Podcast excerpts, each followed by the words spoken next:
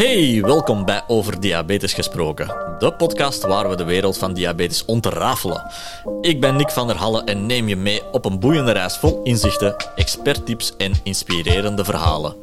Klaar om te leren, geïnspireerd te raken en de impact van diabetes te begrijpen? Neem dan snel plaats, want hier begint Over Diabetes Gesproken.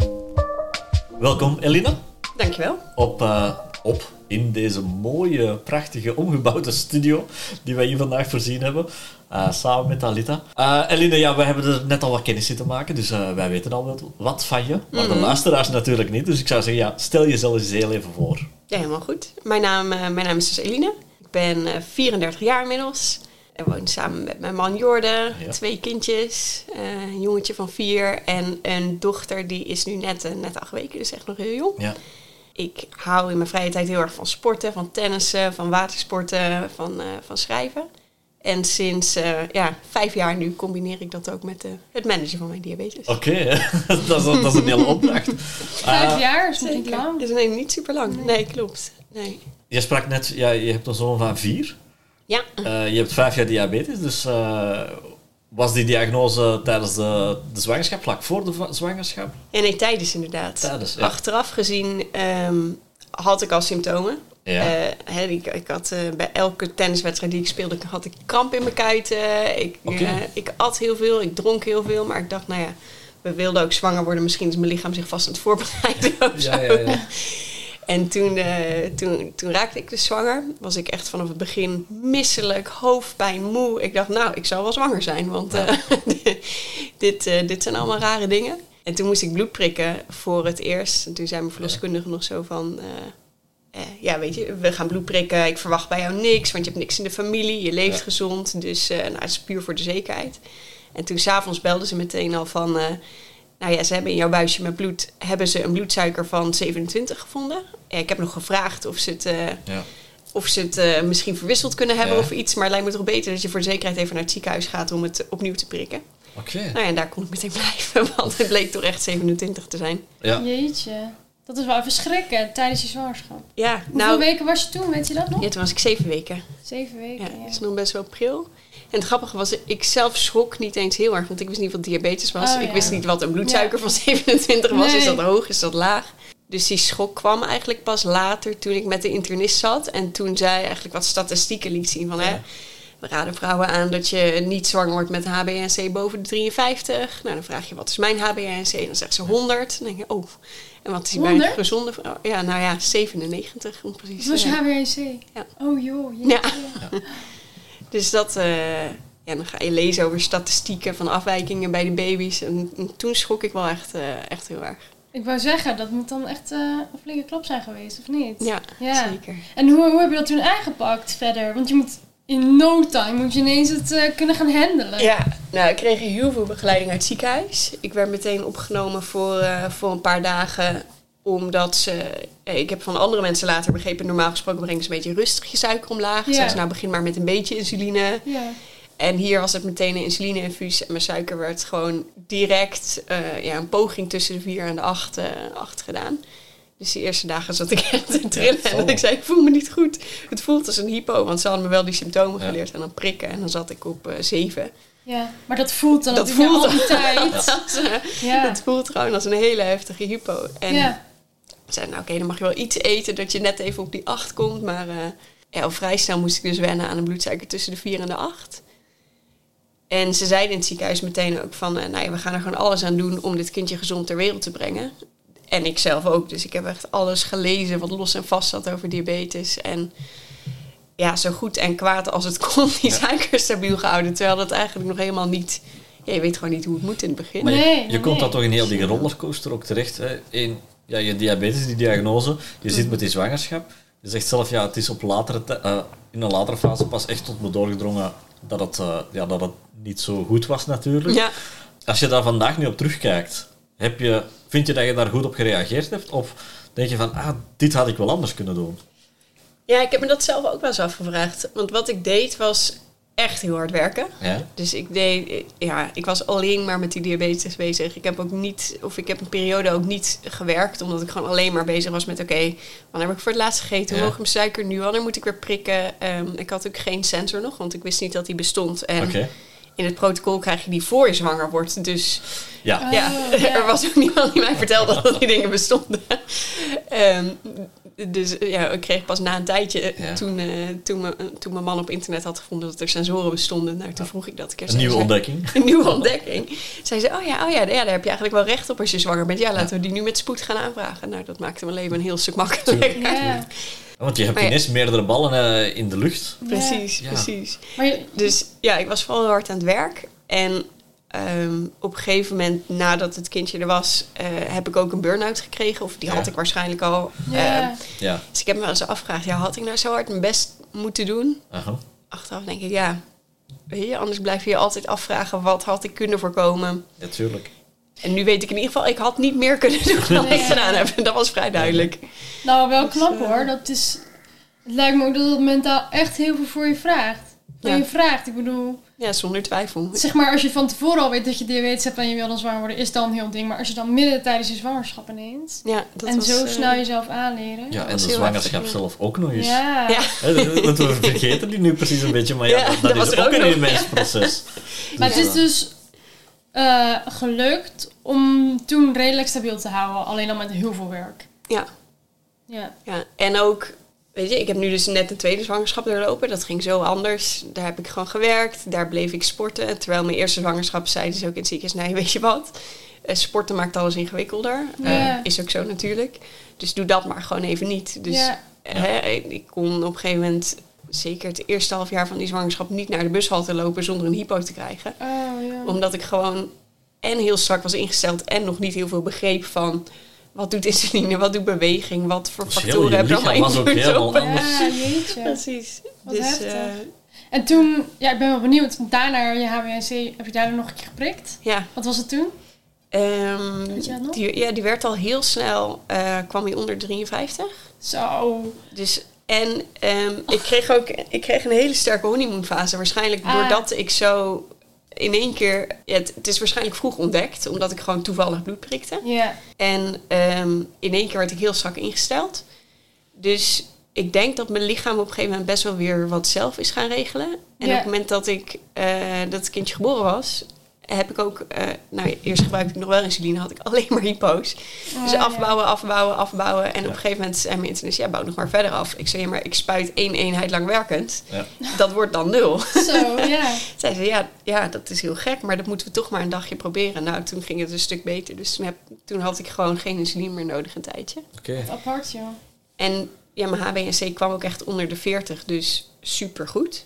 Maar ik denk ook omdat het lichaam gewoon zelf nog wel wat insuline maakte en ja, weer wat zelf begon op te pakken. Ja. Zo, nou wel respect hoor. Wat een periode moet dat zijn geweest. Ja, dat was heel heftig. Jeetje, mina, dat is echt heftig, ja. En je bent nu dus, nou, redelijk recent bevallen van de tweede. Mhm. Ja, hoe keek je daar tegenaan?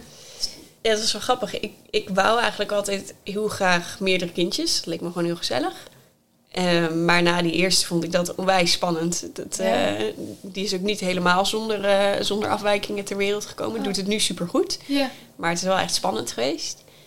En ehm, Was dat door je diabetes, denk je ook? nou, het staat er niet bij, maar de kans lijkt me, lijkt me heel groot. Ehm, ze zeiden al aan het begin van mijn zwangerschap, het begin van de eerste zwangerschap, de kans dat die zonder eh, afwijkingen ter wereld komt, is best wel klein. Oh, dat Maar- kreeg je ook te horen. dat Nou, jongens. Maar ze zeiden ook wel, omdat, eh, hè, omdat te relativeren, ja, een zesde teen is ook een afwijking. Dacht dan, Ja, nou, oh ja, oké. hè, als het het alleen alleen een is- zesde ja. teen is, zou ik voor tekenen. Ja, ja, ja. Dus, eh, maar nee, die heeft, eh, die heeft alleen maar dingen waar hij heel goed mee kan leven. Of die zelfs al verholpen zijn. Dus dat is heel fijn. Oh, dus, Dus nu je merkt het- eigenlijk niet zoveel aan hem. Even afkloppen. Ja, ja, ja. Maar ja, met zijn pasgeboren baby maak je sowieso zorgen. En als er dan ook Mhm. nog iets mee is, al is het een zesde teen, dan eh, maak je heel veel zorgen. Ja, maar dus je periode na je bevalling was dan ook nog best wel heftig. Als het niet gelijk ja, goed ging. Zonder en, eh, twijfel. Zonder twijfel. Ja. Ja. Misschien nog wel heftiger dan de zwangerschap. Ja? Maar goed. Nee, dus die, bij die tweede, dat ehm, hebben we best wel lang gewacht. Omdat eigenlijk mijn man en ik afwisselend fases hadden waar we echt dachten... durven niet te eng. Ja.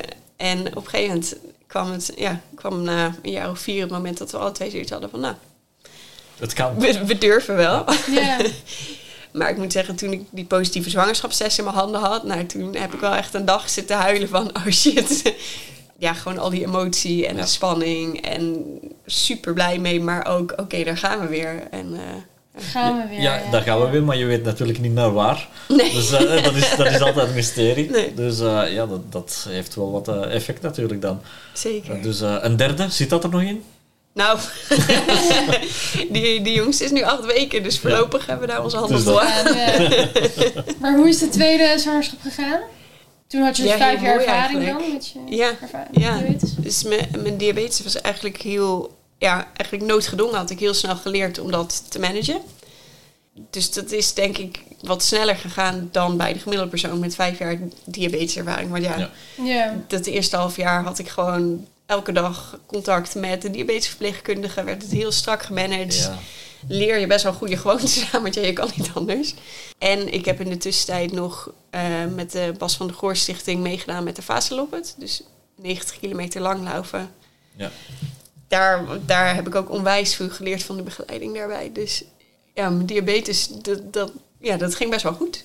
En op het moment dat ik erachter kwam dat ik zwanger was, zaten we met het hele gezin in Nieuw-Zeeland. Oh, oké. Ook familiebezoek bij mijn broertje. Heel veel hiken, heel veel, eh, heel actief.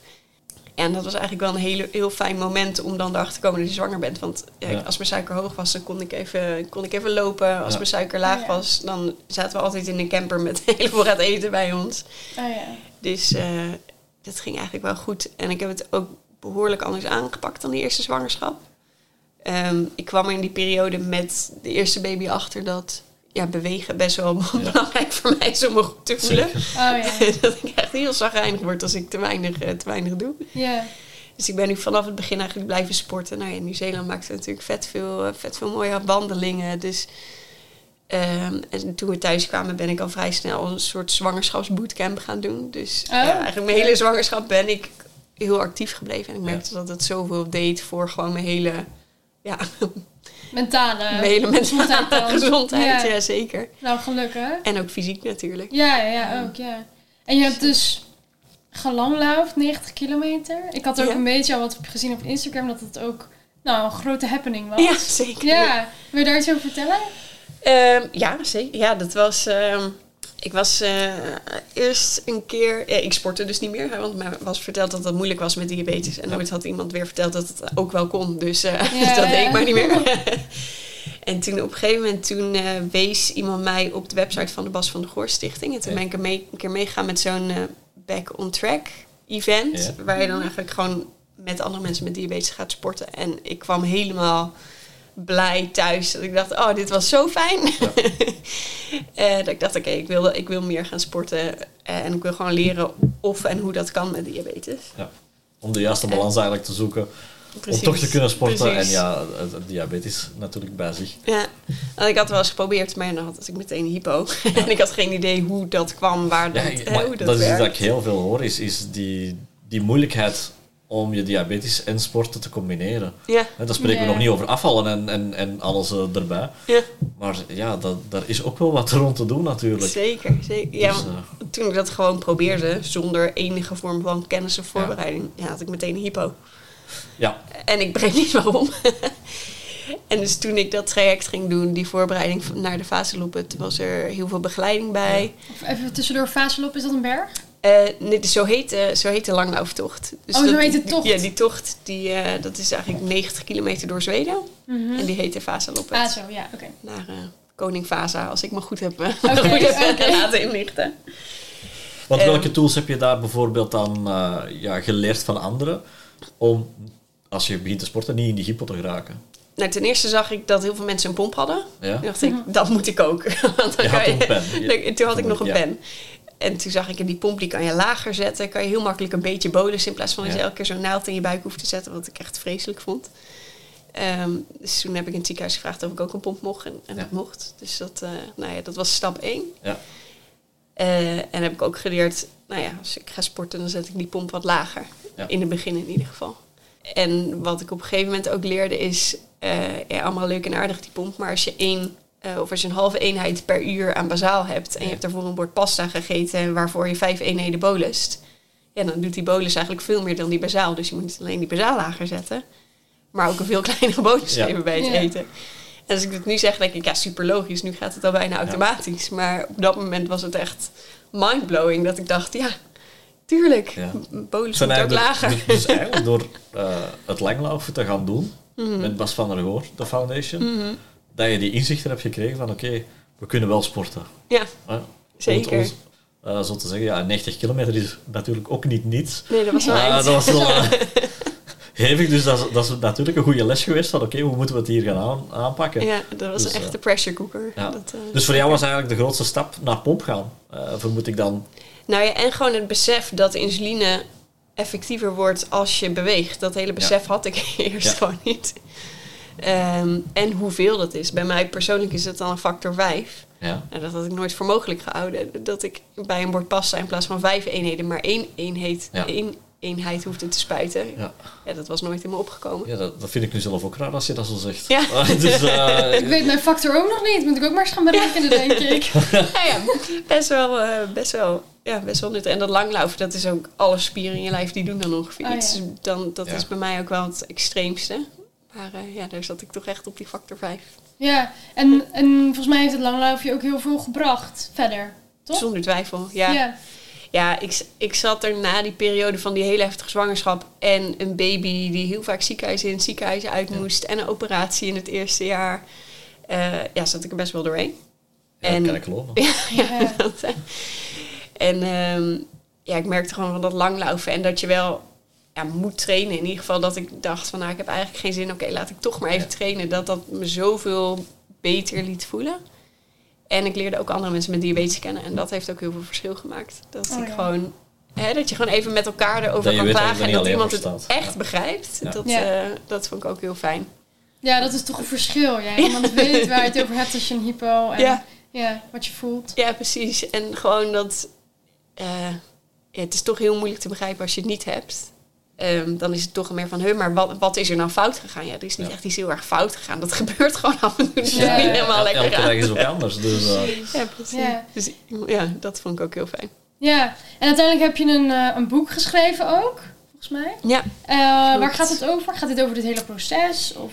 Ja, dat begint eigenlijk op eh, ja, dag één van het boek is de dag dat ik mijn diagnose kreeg. Dus eigenlijk Oh ja. wat ik net vertelde, dat telefoontje van eh, hey, je suiker is gigantisch hoog. En dan gaat het helemaal naar, het eindigt ongeveer bij die, bij die fase loppet en dat hele, hele traject daartussenin met een hele emotionele rollercoaster en diabetes leren en ja, alles waar, waar ik in mijn omgeving tegenaan liep. Het onbegrip, ehm, het weer proberen te werken, Ja. het ehm, ja, alle ziekenhuisbezoeken, alles wat, eh, dat zeker. allemaal bij Er komt heel veel bij kijken. Wanneer heb je dan beslist van oké, ik, ik wil hier wel een, een, een boek over neerschrijven?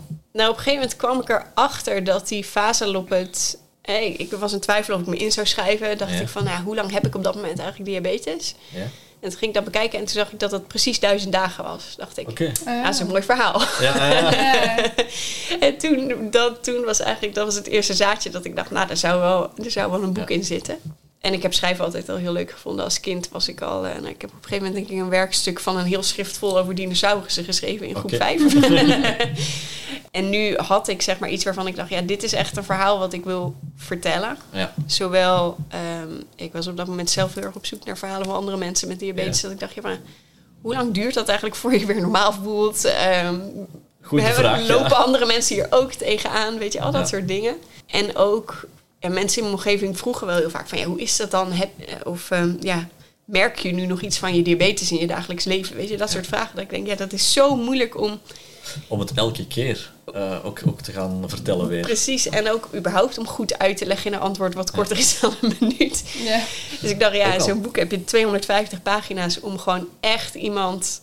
Ja, ik heb geprobeerd om iemand bijna bij de hand mee te nemen in Ja. mijn leven. En echt te laten zien, want dit gebeurt er allemaal in je hoofd, in je lijf. Zo voelt het. Eh, dit zeggen mensen. Dit vind ik ervan. Oké. Ehm, Dus nu zeg je ja, gewoon tegen de mensen, eh, ja, wil je het weten, koop maar. op. Lees een boek maar. ja. Waar is het boek te koop? Goeie vraag misschien. Ehm, ja, eigenlijk bij alle, bij alle boekwinkels die kunnen het bestellen. Of Oké. ja, online boekwinkels kan je het zelf bestellen. En mijn eigen website, eh elinebegeman.nl. Kijk eens aan. Daar, Hop. eh, daar deze niet deze meegegooid aan iedereen.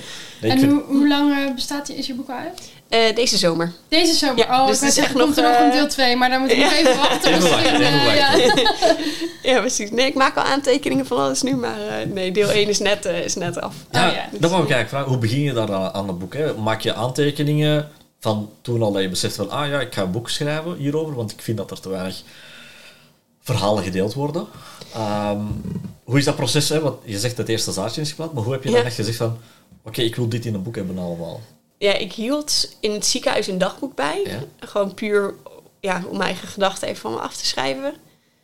Ehm, en op het moment dat ik zoiets had van ja, er moet, er moet een boek komen, ben Ja. ik dat wat, eh, wat preciezer gaan doen. Dus Ja. niet alleen voor mezelf, maar dat ik ook dacht, oh ja, dit wil ik even onthouden. Of eh, dit, dit moet erin komen. Oké. En op een gegeven moment, en dat heeft denk ik ook wel gehelp, geholpen dat het boek er kwam, eh, kwam corona, was er een lockdown. Ja. en op dat moment eh, sliepen onze oudsten ook netjes vanaf 7 uur s avonds. Eh, Ja. dus ja, ben ik eigenlijk elke avond van, van 7 tot ik zelf naar bed ging gaan schrijven. En toen, Oké. toen ging het ineens heel hard met dat boek. ja. Nuttige coronatijd Ja. gehad wat dat betreft. Zeker. Het had zijn voordelen ook. Ja, zeker. Ja. Dat klopt. Nee, super. Ehm, ja, Elina, we gaan de aflevering hier moeten stoppen, want Helemaal eh, we zitten al een beetje over tijd. Maar goed. dankjewel voor alles te delen, eh, wat je hier verteld hebt. Bedankt dat ik Eh, mocht komen. En aan mensen die zeker het boek willen kopen, ga naar de boekhandel, laat het boek bestellen of bestel het op de website. Die dat je, laten we het nog eens vermelden. Welke Ja. website is het juist? elinebegeman.nl. En als je me op Instagram volgt, daar, eh, daar staat hij ook gelinkt. Kijk eens aan. Dus het, iedereen daar naartoe. komt helemaal eh, goed. koop een boekje. En eh, steun, steun iemand met eh, diabetes er ineens bij. Nee, heel goed. Wij gaan hier af- afronden. En dan zeggen we tegen onze luisteraars. Tot de volgende keer. Tot de volgende. eh, Dankjewel.